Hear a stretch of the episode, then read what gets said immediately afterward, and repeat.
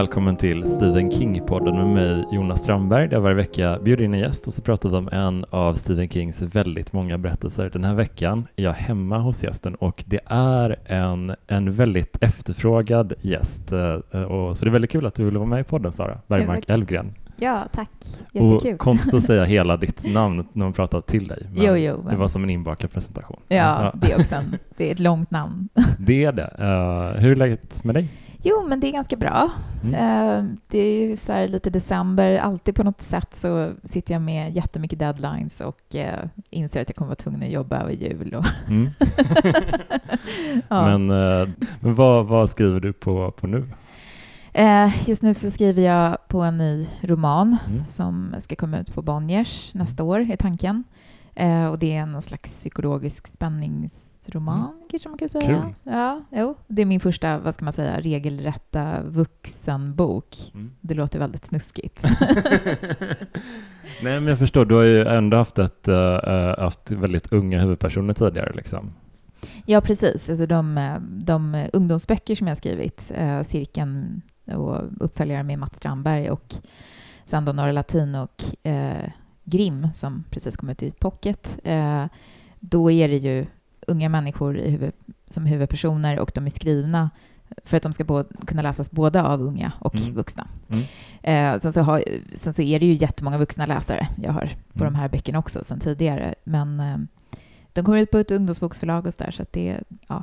Men det är inte någon så super, superstor skillnad ändå, mm. tycker jag. Mm. Um. Ja, men jag, jag refererat uh, nästan orimligt ofta till, för både du och jag var med på Ådalens litteraturfestival samtidigt, mm. Och jag gick på en av dina uh, programpunkter där du nämnde det här um, om, uh, för, för, din bok Grim handlar mycket om dödsmetallscenen liksom, i Stockholm och alla Sverige. Liksom. Och du nämnde någonting om att det är en vägg som man måste komma igenom mm. för att liksom eh, kunna uppskatta den hårdare musiken. Mm. Och jag refererar till det hela tiden, Jaha, wow. en handfull gånger minst liksom, i olika poddsammanhang. Jag, bara, jag försökte komma ihåg att och credda dig för det, men, men de flesta gångerna åtminstone. Så ja, men jag tycker ju jättemycket om den boken. Den är så ja, men den är så hård och, och, och mörk och alltså, jätteengagerande verkligen. Skitbra, skitspännande bok. Tack så jättemycket. Hoppas du skriver någon, någon mer bok i den världen någon gång. Jo, men det kommer jag göra. Alltså, det är tanken att det ska bli fyra böcker som utspelar sig i det, vad ska man säga, lite alternativa Stockholm mm. som jag skapat. Um, så Norra Latin och Grim och sen två till då, mm. uh, ännu icke namngivna. men jag vet vad jag, jag, tror, jag tror att jag vet vad nästa bok ska handla om. Uh, och jag tror att jag har en titel för den och, uh, och så. Uh, men, det, men det är ingen som vet, förutom jag. Gud vad spännande. ja. Men vi ska prata om en novell från en välbesökt novellsamling i den här podden. Det, här, det är min personliga favorit av Kings samlingar. Inte för att den, det bara är bra noveller, utan mer för att den är Alltså det sticker iväg åt alla håll. Mm. Det, det, så här, det finns alltid någonting eh, spännande och man vet aldrig vad nästa novell ska vara för någonting tycker jag med den här. Eh, och eh, novellen är Grandma. En, den ligger väldigt sent i boken och eh, du och jag passade även på att se den lilla filmatiseringen precis innan inspelningen nu. Mm.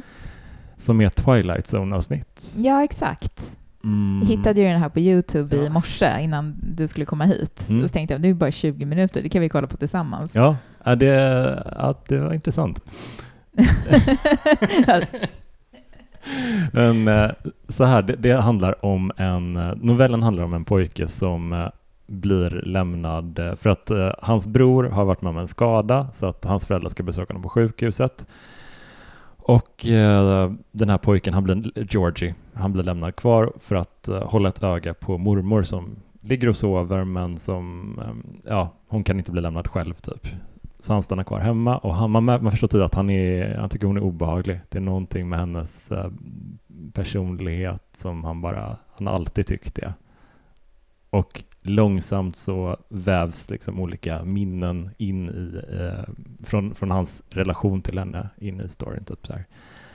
Uh, vad var dina spontana känslor när du läste den här? Var det första gången du läste den inför? Ja, det var det. Jag har inte läst jättemycket Stephen King, mm. um, utan min relation till Stephen King är väl jag har en relation till Stephen King och den beror väl mycket på att jag är född 1980. Så att jag var ju omgiven av Stephen King-böcker mm. och mm. eh, kände ju väl till vad varenda jävla bok handlade om för att eh, jag läste ju på baksidan och jag hade ju vänner som läste dem. Jag var ju alldeles för rädd. Men det räckte ju liksom att titta på eh, clownen på framsidan av det för att jag skulle få mardrömmar. Eller att en kompis berättade vad den handlade om. Så att jag hade ju... Mm. Eh, jag hade väldigt bra koll på Stephen Kings böcker utan att ha läst dem när jag var liten. Sen läste jag Carrie när jag var kanske 20 någonting och tyckte väl att den var bra. Och sen så har jag sett flera filmatiseringar och så vidare. Jag eh, gjorde ett försök några år efter att jag läste Carrie, läsa The Dark Half. Eh, jag var ute och reste och hittade den på någon så antikvariat eller ja, loppis och så köpte jag den och så började jag läsa den. Jag bara, det här är ju jättedåligt. Alltså det gick ju inte att läsa nästan. Alltså det är ju under hans värsta kokainperiod han har skrivit den där boken väl? Är det inte det? Jo, jag tror det. Ja, nej, men den är ju fruktansvärt oredigerad. Jag minns liksom att jag, jag blev medveten om, jag skrev ju själv och sådär, men att, um, att jag blev medveten om en, en grej just som händer i text när man först antyder någonting, sen skriver man det rent ut och sen skriver man det rent ut en gång till. Mm. Hur otroligt svårt det blir att läsa då, för att det finns ingen luft kvar för läsaren att fylla i själv. Ja, jag, jag hade lite komplicerat förhållande till just den boken, för jag gillar verkligen öppningen med att uh, den här pojken, de misstänker att han har en hjärntumör eventuellt, så de skannar honom och kollar, eh, öppnar till och med kraniet och då märker de att det är en sån outvecklad tvilling som det finns spår av. Och det tyckte jag jättemycket om. Jag tyckte det var skithäftigt och blev jätteilla till mods av den scenen. Men sen eh, tar den massa andra spår som jag inte jag är inte helt, eh, jag tycker inte lika eh, illa om den som du, men, men jag tappar tappades ganska snabbt efter den där väldigt lovande inledningen. Jag, jag, tror att det var just det här skrivtekniska eh, som gjorde att jag inte kunde komma in i den. Jag läste inte klart den. Mm. Och det här var ju 20 år sedan. Eh, och sen så var det som att jag på något sätt dömde ut Stephen King lite av den där upplevelsen. Mm. Eh, men sen så när jag blev äldre så träffade jag ju många personer som hade läst honom mer och var så här, men du, du måste ge honom en chans till. Och sen så men sen har det liksom inte blivit av lite grann. Jag har också jobbat med Mats Ramberg då i många år och, eh, och det är liksom som att Stephen King är lite som hans mm. grej på något sätt. Uh, och sen, uh, ja men sen var det nog faktiskt när du tog kontakt med mig uh, om, för att jag skulle vara med i podden. Det var ju ett par år sedan kanske, mm, eller? Ja, ja, ja något år sedan. Ja, faktiskt något, länge sedan. Ja, det var länge sedan. Och sen så fick vi aldrig till det där. Mm. Men jag hade ju köpt på mig lite så Stephen King-böcker på rea och så. De står i, i bokhyllan och så var jag så här, ja men kanske ska... Ja, sen så var jag köpte den här Just After Sunset, novellsamlingen. För jag var lite nyfiken på den här novellen N som är någon slags parafras på Arthur Mackens uh, The Great God Pan. Just det. Och det tyckte jag var lite kul. Uh, så läste jag den novellsamlingen och då fick jag, och det här var alltså i år, uh, och då kände jag att jag blev väldigt pepp Ja. Uh, för att jag, jag kände, och det här är ju en novellsamling från 2008 tror jag. Uh, jag tyckte att den genomsyrades av en skrivglädje som jag kände att jag behövde komma i kontakt med just då också, där jag befann mig. Mm. Så att um, det var ett väldigt fint möte med Stephen King som mm. jag hade då. Men vad intressant att, det, att du inte har den här uh, råa nostalgiska kopplingen till honom som, som många har. Liksom. Och Eh, Eh, just eftersom du jobbar mycket med, alltså du skriver spänning och skräck och sådär, så är det, tycker jag, jätte, ja, det är intressant. Den där skrivarglädjen, jag undrar om, jag läste precis klart den här um, On Writing, hans skrivarmanual slash självbiografi, och han beskriver den där olyckan, den blir påkörd i, mot slutet där i detalj. Den är så plågsam att läsa på det. Jag hade glömt hur jobbig den var att ta till sig. Men jag förstår verkligen att han fick, ett, fick syre i sitt skrivande efter den. Det känns som att det, alltså, han, han blev så skakad av den nära döden-upplevelsen. Ja, han blev ren efter det också. Mm. Ett missbruk kan ju verkligen tynga ner ett författarskap verkligen. oerhört på många sätt. På många sätt. Um, jag, nu insåg jag också att jag faktiskt har läst Dans, Dans Macabre. Mm. Faktiskt. Mm. Um, men ja, det är ju inte uh, fiktion.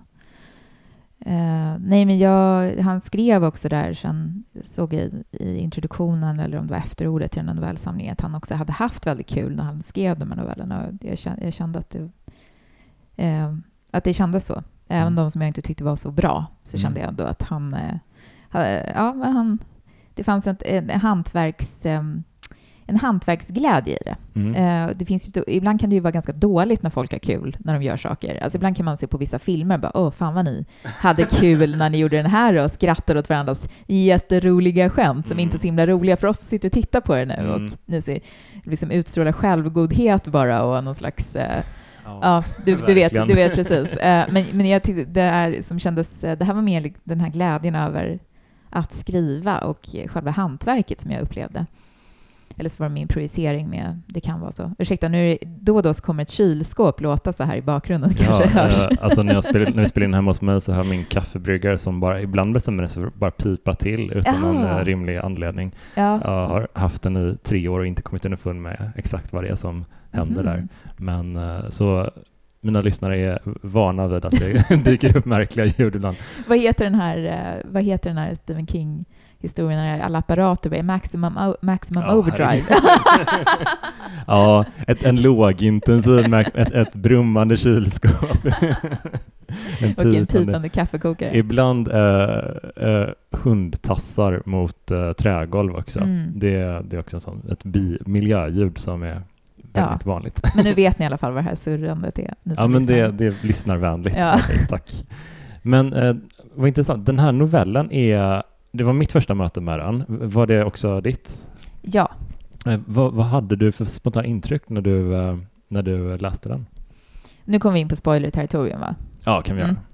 Jo, nej men eh, mitt första intryck var väl eh, ehm, att jag först tänkte att den hade en eh, fin närvaro i sig, det här när man är i mellanstadieåldern där som han är och ska vara ensam hemma. Mm. Eh, och att det kan bli, jag minns själv den åldern, att det kunde finnas någon slags eh, kuslighet som uppstod just då. Och eh, att man kunde känna ett främlingskap inför en miljö som man egentligen var väldigt, väldigt van vid. Mm. Och sen är det då den här mormorn. Eh, jag reagerade väl ganska mycket på ehm, att hon beskrivs som så avskyvärd för att, just för att hon är tjock. Mm. det, det återkommer ju väldigt mycket i ehm, den här berättelsen. Ja, inte bara den här, eller vi har också lyfter ganska många gånger i Stephen Kings bibliografier. Det är ofta, han har någonting med, eh, med eh, kvinnor som inte är norm... Alltså så här, det, det är också Helena Dahlgren som du också eh, känner en kompis med. Hon hade en teori om det som man kan eh, lyssna på i detalj. Ja, Jag som om It, men eh, det ursäktar det typ inte ändå. nej, nej, men det, det är ju inte bara Stephen King, utan det känns ju också som Mm. en eh, grej som dyker upp i, i många böcker. Jag Mm. tänker på Roald Dahl till exempel. ja. Eh, det är ju barnböcker, men det känns också någonting, det kan ju finnas någonting i det här med skräckförfattare och det kroppsliga. Mm. Eh, och att man går in i det som ehm, eh, är avvikande eller eh, Mm. kan tyckas frånstötande liksom och så. Men eh, det, det blir ju lite, det blir ju lite tjatigt. Mm. Jag vet inte om det är, om, det, det kanske inte är omöjligt att ske, för, för barn, kan ju känna, barn kan ju få så konstiga hang-ups på saker hos vuxna, Mm. att saker ser lite så otäcka ut.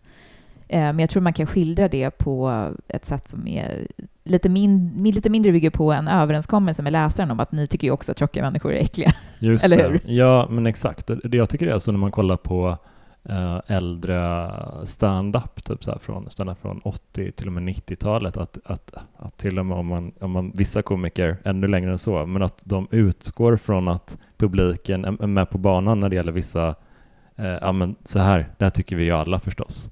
Exakt. Uh, och det är en lite konstig självsäkerhet i det. Som, hur kan man vara så övertygad om att alla är med på den banan? Men jag tänkte, noterade det förstås, den här eh, reaktionen, eller liksom beskrivningen av hennes stora kropp, men det var mer de här dofterna som Stephen King målar med, liksom, eller beskriver. Att det var, jag kan inte det exakta citatet, men det beskrivs någonstans hur mormor luktar av ägg och något sånt där pulver typ. Mm. Och det lät så motbjudande verkligen. Mm. Jo, men det, kunde man ju, det kan man ju jobba med. Och det finns Mm. ju olika saker kring gamla människor som kan Mm. kännas lite äckliga. Alltså Mm. också för att det, f- det väcker en dödsskräck, en Mm. rädsla för, för, för förgängligheten och det här med att bli gammal och inte ha kontroll över sin kropp längre och att bli någonting, eh, alltså, ja, som väcker avsky hos andra. Det, Mm. kan, det är ju något läskigt eh, Ja, ja. I, i det i sig. Men, men jag tänkte först i början så här, aha, ska det här vara grejen liksom nu att mormor är äcklig liksom? alltså jag förstod att det skulle komma en skräckvändning på det, men det var ju roligt sen då. Det tyckte jag det var ganska uppfriskande när det visade sig att ehm, det här Lovecraftianska temat kom in och att det visade sig att hon eh, Nej, det var inte bara det här då att hon var på något sätt fysiskt frånstötande, utan att hon var en otäck eh, häxa som hade Mm. läst eh, Necronomicon. Dyrkade de gamla gudarna. Ja, ja men precis. eh, så då tyckte jag att det var en eh, välbehövlig fräschör som föddes in där. Det var ganska intressant för att eh, det är också en sån del av den här bakgrundshistorien. Jag, tycker, jag tyckte om novellen i sin helhet verkligen. Jag tyckte den var väldigt snyggt uppbyggd och sådär. Och att vi hålls, eller så här, eh, mormor hålls i skuggorna väldigt länge innan man liksom får, får se henne överhuvudtaget. Men det här att eh, mormor och eh, morfar, de var liksom barnlösa ofrivilligt. De ville ha barn men de hade massa missfall och sådär. Och eh, det var först när eh, på något sätt som mormor kom över de här böckerna som det gick bra för dem. Då fick de jättemånga barn. Eh, och det tyckte jag ändå var, det var något mänskligt över det på något sätt. Att eh, det att hon, och hon vill inte göra sig av med dem heller efter det, trots att hennes man tycker att du kanske börjar bli lite väl fäst i de här böckerna. Så eh, de, hon, hon älskar dem lika mycket som sina barn, säger pojkens, Georgies mamma någon gång. Ja, mer till och med, måste man väl ändå säga, eftersom det impliceras att hon har till och med dödat ett av sina barn Mm. när han gick emot henne. Mm. Eh, och, och att hon, det här verkar ju ha gjort att hon eh, har begått diverse eh, brott Mm. genom åren. Verkligen. Eh, och eh, där, där kan ju jag känna, och det var ju liksom ett genomgående problem med novellen för mig, att ehm, det var väl två saker. Ett, ett, att den här mamman faktiskt flyttar in där med sina barn och utsätter dem för den här risken. Mm.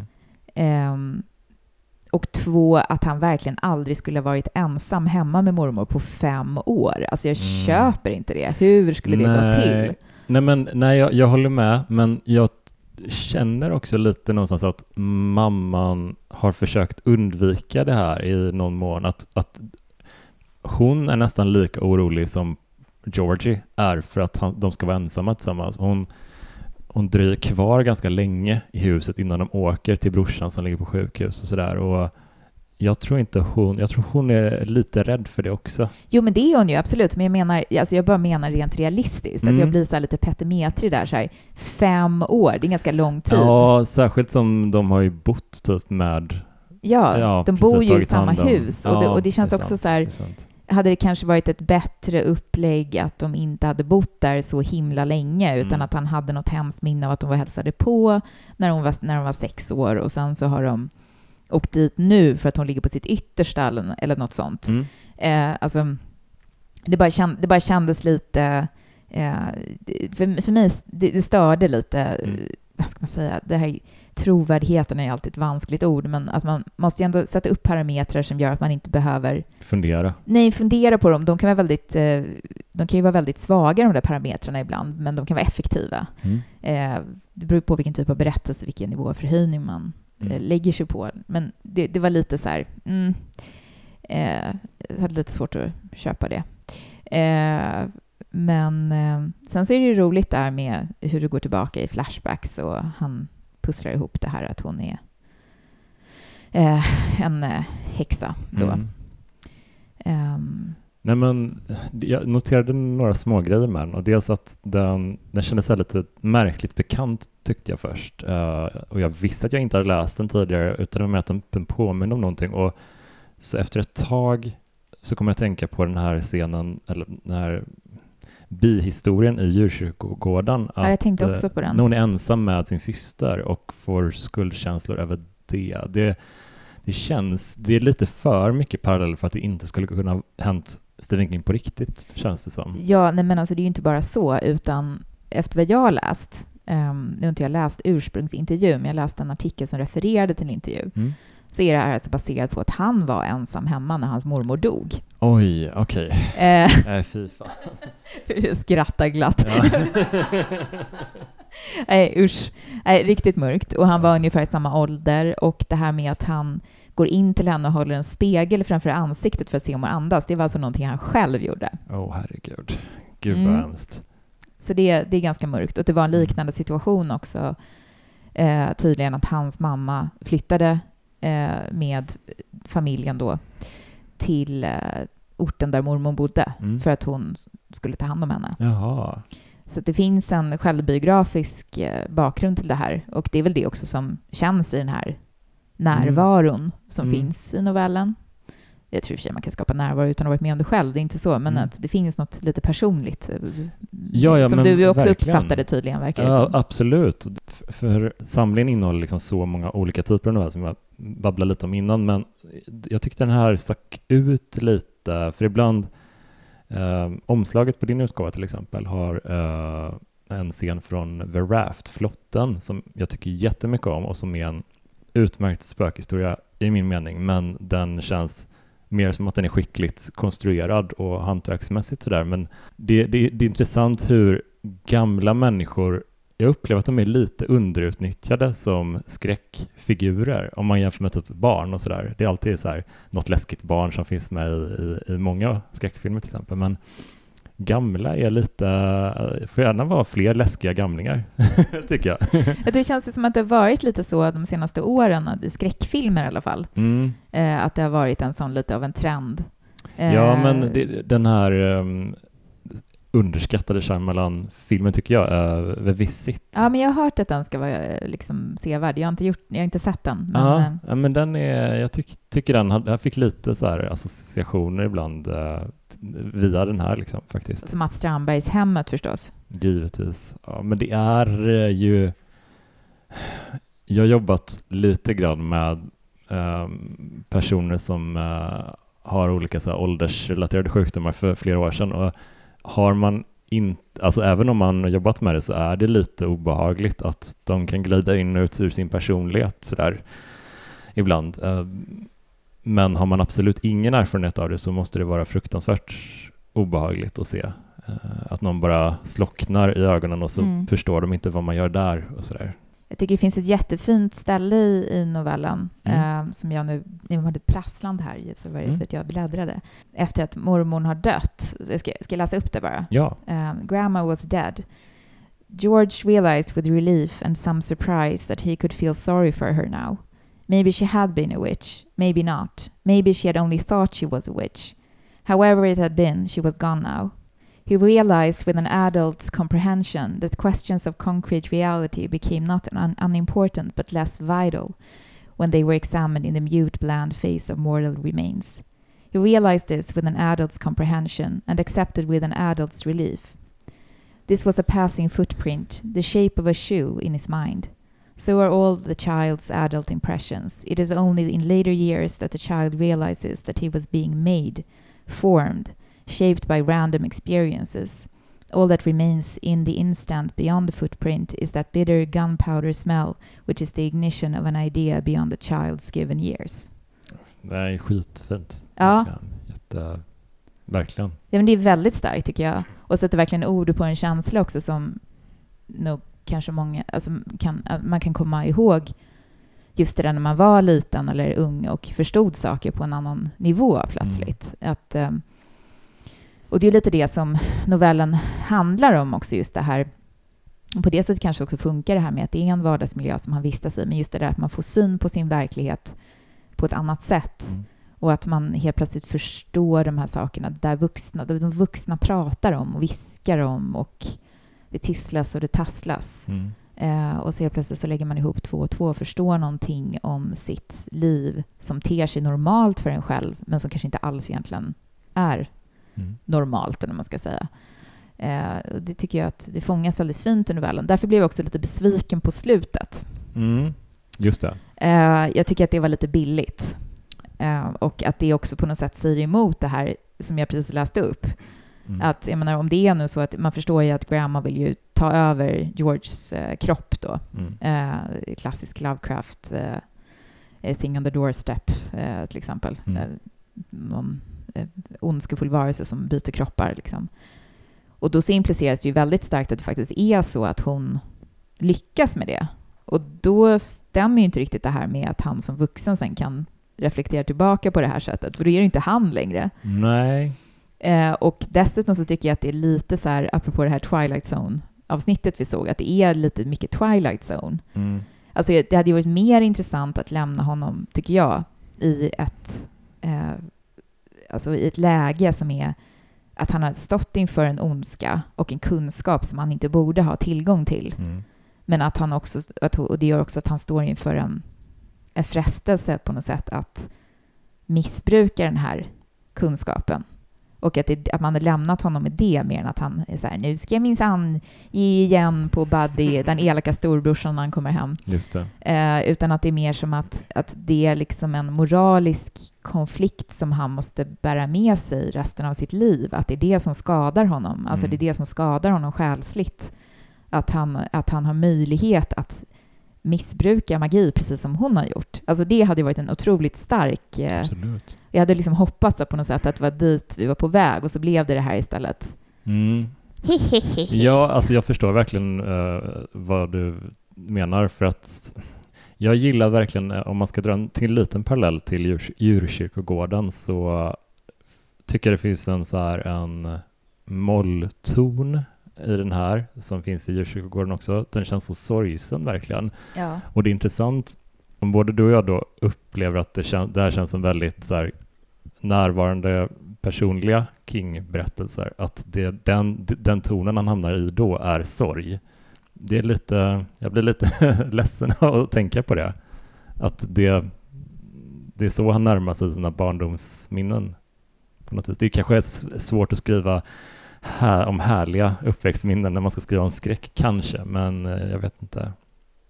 Men jag vet inte om det är ett sätt att värja sig och välja en sån utgång också. Eller om det är en fråga om tidsbrist. Eller... Mm. Det här var väl en novell som publicerades 84, tror jag, Mm. från första början. Mm. Och i- för någon tidning. I någon tidning. Ja, just det. Um, det, är så må- det är så många. Det var inte Cavalier, det var någon av de andra märkliga magasinen.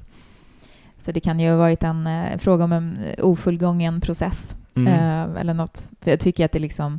Han, han är väl eh, precis... Jag läste en artikel på Cinema Blend, tror jag, om den här eh, eh, tv-adaptionen av Mm. eh, berättelsen, så vi kan ju prata lite om också. Mm, men men eh, att Stephen King själv växte ju definitivt upp med Twilight Zone. Och att just att det är ett sånt Twilight Zone-slut det här. Mm. Ehm, att det, det är klart, det är ju eh, tacksamt att välja den vägen. Men Mm. det, här, det känns som att det finns så mycket mer potential eh, till ett mognare slut i historien, för den har så pass mogna teman. Sen tycker jag också det är intressant det här temat eh, som ju också förekommer i flera av hans andra berättelser. Just den här eh, utsattheten hos barn eh, när det gäller andra barn och det här med att ha en, en elak storebror som faktiskt fysiskt misshandlar en Mm. Dag ut och dag in och retar en och missbrukar ens förtroenden och vilken otrolig terror det är. Mm. Alltså där kände jag verkligen starkt för Georgie. Eh, och att det är också så många barn som har det på det sättet. Och kanske framför allt ehm, förut när man hade mycket mer den här attityden, liksom boys will be boys och Just det. syskon, de bråkar med varandra. Men, men att man också underskattar vilken, alltså vilket helvete det kan vara med syskonkonstellationer. Eh, och att det är de här personerna som man är närmast hela tiden och Mm. att det kan vara så jäkla ehm, en sån ren terror verkligen. Verkligen. Nej, men ja, jag, jag funderade lite på, för ibland så eh, i podden så drar jag lite paralleller till stand-up och sådär för att jag håller på med det också och jag har tänkt rätt mycket på det och särskilt i den här novellen att om man ska skriva stand-up i alla fall om sina om personliga erfarenheter, någonting som man eh, ligger nära hjärtat. Det är svårt att, för det ska ju också vara kul gärna, PGA-formatet, så att det, det är svårt att det inte ska kännas som en påklistrat eh, alltså man har sprinklat kul över någonting utan att istället få det att vävas ihop naturligt med det man vill prata om. Och här, den här tycker jag känns som en testrun för djurkyrkogården. Jag vet inte hur den kom ut i, i förhållande, när den skrevs i förhållande till den, men kollar man på djurkyrkogården så väver Stephen King ihop liksom mer den här, den här personliga sorgen, eh, den här mörka tonen och det känns inte som att det är en påklistrad skräck eh, historia på det, utan allt känns som en naturlig väv bara, upplever jag i alla fall. Jag har ju inte läst den, men den står mm. i min, det är en av de här böckerna som står i min bokhylla, som jag också gärna skulle läsa. Mm. Men det måste ju vara där omkring. När kom filmen? 87, 88? Ja. 88 tror jag den kom kanske. Ja, men den, de kom nog ganska nära in på ja, eventuellt. Så det måste, det, ja, men det borde vara någon gång där i mitten av 80-talet. Ja. Uh, ja, nej, men det är intressant. Um, så kan det ju absolut vara. Och då kan det ju också vara det här att man att han väljer det här mer klassiska skräckslutet. Det kan ju också vara ett underskattande av läsaren, alltså mm. att det är det läsaren vill ha, att ja. det är först och främst en skräckhistoria. Men jag tycker ju på något sätt att det andra är mycket otäckare. Stephen King själv är ju inte heller någon som är främmande för den lite mer subtila skräcken. Han gillar ju, som jag nämnde, till mm. exempel Arthur Macken. Gud ja. Um, som ju, det är ju verkligen inte in your face. Jag tyckte skitmycket om den Great God Pan. Det är det enda jag läste honom, men jag var helt uppslukad av den. Alltså jag skulle säga att jag har verkligen inte läst allt, men min favorit är ändå The White People. Mm. Den tycker jag är så jävla bra. Mm. Och kuslig och fantasieggande. Mm. Eh, där, det är alltid någon så här jätteträig viktoriansk gubbe, eller flera stycken är det, som har typ exakt samma personlighet, det vill säga ingen, mm. som, som figurerar i hans berättelser. Eh, och så pratar de med varandra och så är man, vem är vem? Eh, det spelar ingen roll. Mm. Eh, men där finns det som en liten ramhandling bara, är några sådana här gubbar som en gubbe säger till den andra gubben, de är säkert inte gubbar, de är säkert 30. ja, men de beter sig som så här, eh, de resonerar med en självsäkerhet som ja. känns väldigt gubbe. ja, precis. Men eh, och då är det den ena som säger till den andra ungefär att ja, jag hittade den här dagboken. Och så, så är det den här dagboken då som är skriven av en ung eh, flicka som är, ja, vad kan hon vara, kanske 13, 12, jag vet, jag vet inte, jag minns inte exakt, men um, hon är kanske lite yngre. Um, som beskriver hennes upplevelser. De, de, de, det är väldigt subjektivt skildrat, så det är svårt att förstå vissa saker. Och man förstår att hon eh, har en, en barnflicka som eller någon som jobbar i hushållet som hon tillbringar mycket tid med och som verkar ha kontakt med någon slags eh, övernaturlig dimension. Så att den här flickan får också det genom henne. Mm. Men det blir också ganska vardagligt för henne. Så att det är lite så här, hon bara, kan vara så här, idag så gick jag in mellan stenarna igen och då följde jag vägen bort till brunnen. Alltså det, det är liksom mm. att man förstår att hon rör sig någon slags, i någon slags parallell dimension, men det är inte så konstigt för henne. Eh, och det gör att allting blir väldigt kusligt och det är väldigt svårt att... Den är inte svinbra. Ja, men den är så bra, den verkligen. kommer jag läsa nu i helgen. Ja, men gör det. Kul. Men har du sett uh, Hereditary? Ja. Jag får absolut känslan av att uh, Ari Aster, som ligger bakom den, måste ha läst den här nästan. Jag är inte, inte helt, men du vet, det känns som att det är rätt många paralleller. Liksom. Just det. Uh, det tänkte här. jag inte på, men när du säger det så, verkligen.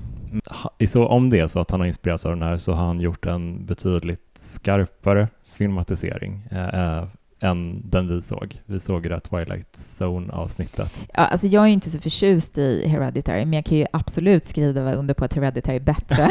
Om du måste välja en av de två. ja, det, det är ju absolut ingen frågeställning kring det. Ja, nej, men den är ju också extremt uh, präglad av sorg, sådär. så att den, den, grundtonen tycker jag den har och den här mm, märkliga familjehistorien som är väldigt höljd i dunkel typ och sådär. Ja, förutom de här, eh, vad heter det, eh, eh, liksom understrykningarna som praktiskt nog har lämnats i ja, texten det, det när de hittar den här lådan med grejer. Alltså det dummaste det jag sett. Det är sig sant.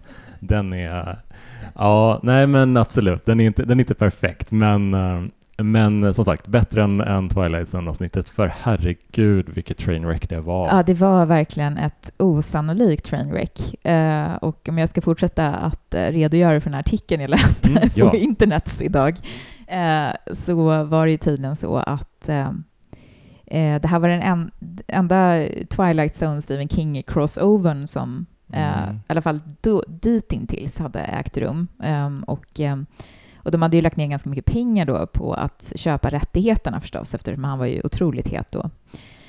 Eh, och så försökte de skriva ett manus på den här novellen och det gick inte. Det, det bara havererade. Och då var Harlan Ellison, som väl kanske mest känd som science fiction-författare, han var någon slags eh, jag vet inte om han var någon slags showrunner, han, liksom redaktör kanske han var. Alltså han, han var ansvarig i alla fall på, på något sätt för manusarbetet och han um, hade någon slags bad cop-roll där också, att han Mm. skulle komma med de jobbiga kommentarerna på manusen. Och i det här fallet så hade han sagt då att nej, men det funkar inte alls det här, det här, det här, det här behöver fixas. Och då var det någon producent som sa, ja, men då får du skriva det. Mm. Och han bara, nej det vill jag inte, jo det får du göra. Och så gjorde han det, och det gjorde han ju verkligen inte med den äran. Eh, Nej. för den är ju verkligen, alltså manuset är så dåligt och det är så mycket förvirrad voice-over och det är, Mm. det finns ingen mystik. Eh, Allt som sker beskrivs också med voiceover. Ja. Eh, man ser en, eh, mamman kommer in genom dörren, man ser att det blåser, att hon fryser, hon säger åh vilken blåsig dag, Ja. vad kallt det var ute. Ja, men du behöver inte... Ja, nej, men verkligen. Och, och också allting han gör då, den här lilla killen, Mm. har ju beskrivs ju då av hans eh, inre voiceover. Eh, sällan så är det så dumförklarande av tittaren. Ja, men alltså, jag tycker inte att han är... eh, det var du som spottade att han var även huvudrollsinnehavare i Oändliga historien. ja, det är ju Bastian. Och jag tycker inte att han var katastrofal i den här, det här avsnittet. Men han, alltså, de hade inte behövt ha voiceover menar jag, för han, ens hans spel. Man ser typ ungefär hur han känner kring olika saker. Men de var ändå, det är ändå med hela tiden. Ja, Det känns som ett, eh, ett problemmanus som inte apropå ofullgångna processer. Alltså det känns som att det är författaren som försöker lösa problemen åt sig själv och sen är det Mm. den manuspersonen som har filmatiserats. Och som jag förstår det så var det då Bradford May, tror jag han hette, den här regissören som jobbade på showen och Harlan Ellison själv som regisserade den. Eh, roligt nog så skulle det varit, eh, jag tror att det var, var det nu Exorcisten, kan det ha varit Friedkin Mm. Som skulle ha regisserat avsnittet? Nu minns jag inte. Det var någon... Det hade ju varit ja, jo, men jag för, jag för mig att det var det. Ehm, eh, som egentligen skulle regisseras. Allting var lite så här olyckligt. Ehm, det, var, det är ju inte bra regi. Eh, Den är ju jättedålig, personregin. Alltså det är ju inte den här lilla killens fel, utan det är Nej. bara... Nej, men allt är väldigt stelt och eh, kantigt och in, ihoppressat på något konstigt sätt. Vi reagerade båda på ljudmixen också. Jättedåligt ljud. Att det känns liksom, man hör efter ett tag att eh, mormor börjar ropa liksom från sitt rum och det känns som att hon är precis bredvid pojken. Ja, men det, och det är inte gjort på ett suggestivt sätt. Nej. Utan det är verkligen gjort på ett otroligt slappt sätt. Men, men det, Ja. det är ju ändå rätt kul att rösten görs av Piper Laurie. Det är coolt i och för sig, Eh, absolut. Den har ju någon slags, vad ska man säga, eh, alla var där-faktor. Det är mer kuriosa. Alltså det är Ja. mer kuriosa att den här finns än att man faktiskt behöver se den. Men om man verkligen vill se den så kan, kan man kolla på YouTube. Ja, och det, det är ju en så här halv, halvlång novell, tyckte jag kanske. Att det, det var rätt mycket som de, han lyckades väva in så här, med bakgrundshistorien och sådär. Men det känns som att de typ inte har strukit någonting i, från texten, utan allting har pressats in i det här 20 minuter långa avsnittet och ska bara, det som inte får plats i bild, det berättar eh, Georgie för oss via voiceovern. Och det är så mycket som hade kunnat kapas i det där. Ja, nej, men det kändes väldigt ofullgånget och amatörmässigt, verkligen. Eh, Men jag tror att man säkert skulle kunna göra något suggestivt och bra eh, på den här novellen. Så det filmatiserades ju, eh, 2014 kom också en filmatisering ut som heter Mercy. Mm. Eh, Blumhouse, Mm. tror jag det var. En tidig Blumhouse kanske? Ja. Eh, ja, jag vet inte när de började med de där. Conjure. Är det de som gör Conjuring? Alltså de jag, jag blandar alltid ihop vilka som är James Wan och vilka som är... Ja, jag Men jag tror att Conjuring är Blumhouse. Eh, Mm. Är inte det? Det känns så. Insidious, Insidious är väl Ja. Wan. Just det. Ja, det men ja, jag vet inte. Jag tycker inte de där filmerna är så bra. de så att flyter jag ihop lite. Ja. Men, eh, ehm, men eh, jag tror att den inte är bra. Jag, jag, läste, jag läste lite recensioner om på Letterboxd eh, och eh, folk verkade vara ganska överens om att den var rätt tråkig och det tycker jag är den största synden. Nej, fan vad deppigt. Det, Ja, nej, Jag jag, tror, jag tror att det är, alltså, jag tror att jag tror säkert att det går att göra en habil filmatisering av den. Sen så kanske man inte fångar allting i den. Jag, Mm. jag tycker ofta att en då kan man Ja, lägga på en voiceover som förklarar Ja, det. jättebra idé. Men jag tycker ofta att en adaption, alltså jag brukar säga att det kanske inte är en klockren liknelse, men någon slags liknelse. Att om man, om man tänker att en, en bok eller en novell är som en tårta och så ska man göra en adaption så är det som att skära en tårtbit. Mm. Alltså man måste göra ett val, man måste avgränsa sig, men man kan ändå få med de här lagren. Mm. Men det är inte kanske nödvändigtvis på samma sätt. Det kommer inte se likadan ut som tårtan. Nej, nej men. Eh, man måste ju ändå göra, som sagt, här och här gör jag mitt val. prioriterar vi. Eh, men ja, det, var, det var kul att se den. Det var intressant, eh, för jag såg trailern till Mercy Mm. och eh, i eh, Twilight Zone-versionen då av novellen så eh, har de ju då stoppat in att han, han, han spiller ut hennes te och så rinner det ner mellan golvbrädorna och Mm. då av någon outgrundlig anledning så gör det att han förstår att det finns ett hemligt fack där och, eh, och så öppnar han det och så kommer det ut en massa rök och onda röster. och, Som man sen berättar att han hör och ser Ja, och precis. är rädd för. Ja, precis. Det är massa rök. Men det är inte varmt. Och nej, det är röster där nere. Här kan det vara helvetet. Men jag stoppar ner handen. Ja, jag vet inte. Eh, men... eh, och så hittar han då Necronomicon där. Mm. Och det har de ju tydligen behållit i... Det verkar som att de som gjort Mercy har sett den här Twilight Zone-episoden. För då har Mm. de exakt samma grej i den, att de hittar Necronomicon eh, i ett hemligt fack. Konstigt kreativt beslut alltså. Ja, För, för jag tycker ändå om när King, när man känner att King är ett fan. Alltså att han, för under den här perioden känns det som att han var alltså sånt hårt Lovecraft-fan. Det är han säkert fortfarande, men kanske att han typ hade börjat upptäcka honom på ett annat sätt liksom bara och försöka inkorporera honom i sina, göra, göra Lovecraft-covers typ. Ja, nej men det, det är kul att det mer antyds olika saker där Mm. kring det hela som, de skriver inte rent ut att det är Necronomicon till exempel, utan Mm.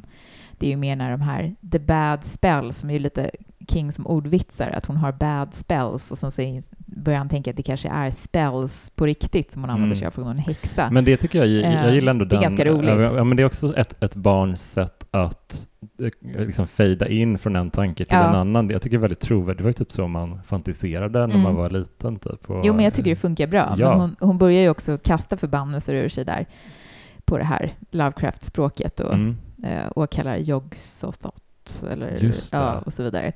Eh, men eh, jag, jag tänker så här, var det copyright-skyddat fortfarande? Det måste ju ha varit. Med Lovecraft. Ja, eh, 84 där. För att jag tror att han, han använder något namn, Hastur, men, just det. men jag tror att Yogg-Sothoth... Alltså ursäkta mig, mitt Lovecraft-uttal är förfärligt.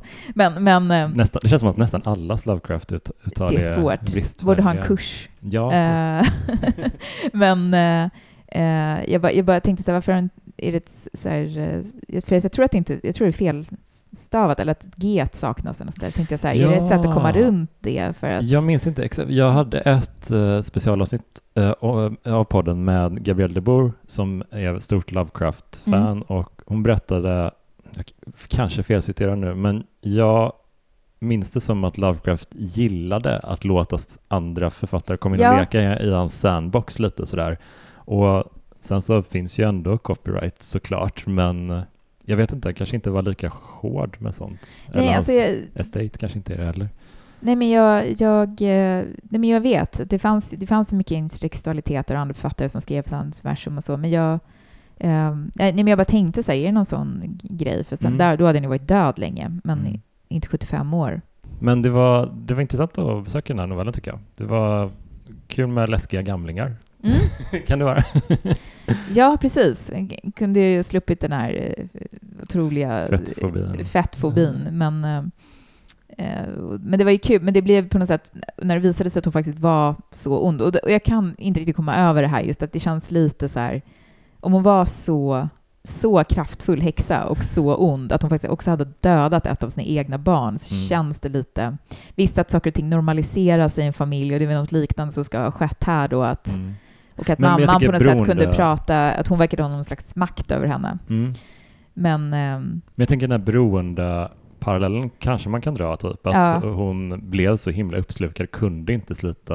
Nej, men jag tänker mer att, att, de, att mamman skulle utsätta barnen för att vara i närheten Ja, av den här makes tanten. sense, det makes sense. Det är väl lite det. Är Ja, väl det är lite det. lite hon, verkar ju ganska, hon verkar ju ganska mån om dem och verkar ju också ganska medveten om mammans eh, eh, överträdelser. Men, men samtidigt, visst, alltså det, det, det, på ett sätt är det väl psykologiskt realistiskt att, Mm. att det, apropå det här med normaliseringen, att man kan ha en viss medvetenhet kring att eh, Ja, nej men eh, farbror Jöns, han blir ju alltid så elak när han är full, men man Mm. firar ändå alltid jul med farbror Jöns. Jag tänker också att hon, rat- ja, men hon rationaliserar kanske typ så här att eh, ja, men vi ska hälsa på, vi kommer inte vara borta så länge och hon sover ändå.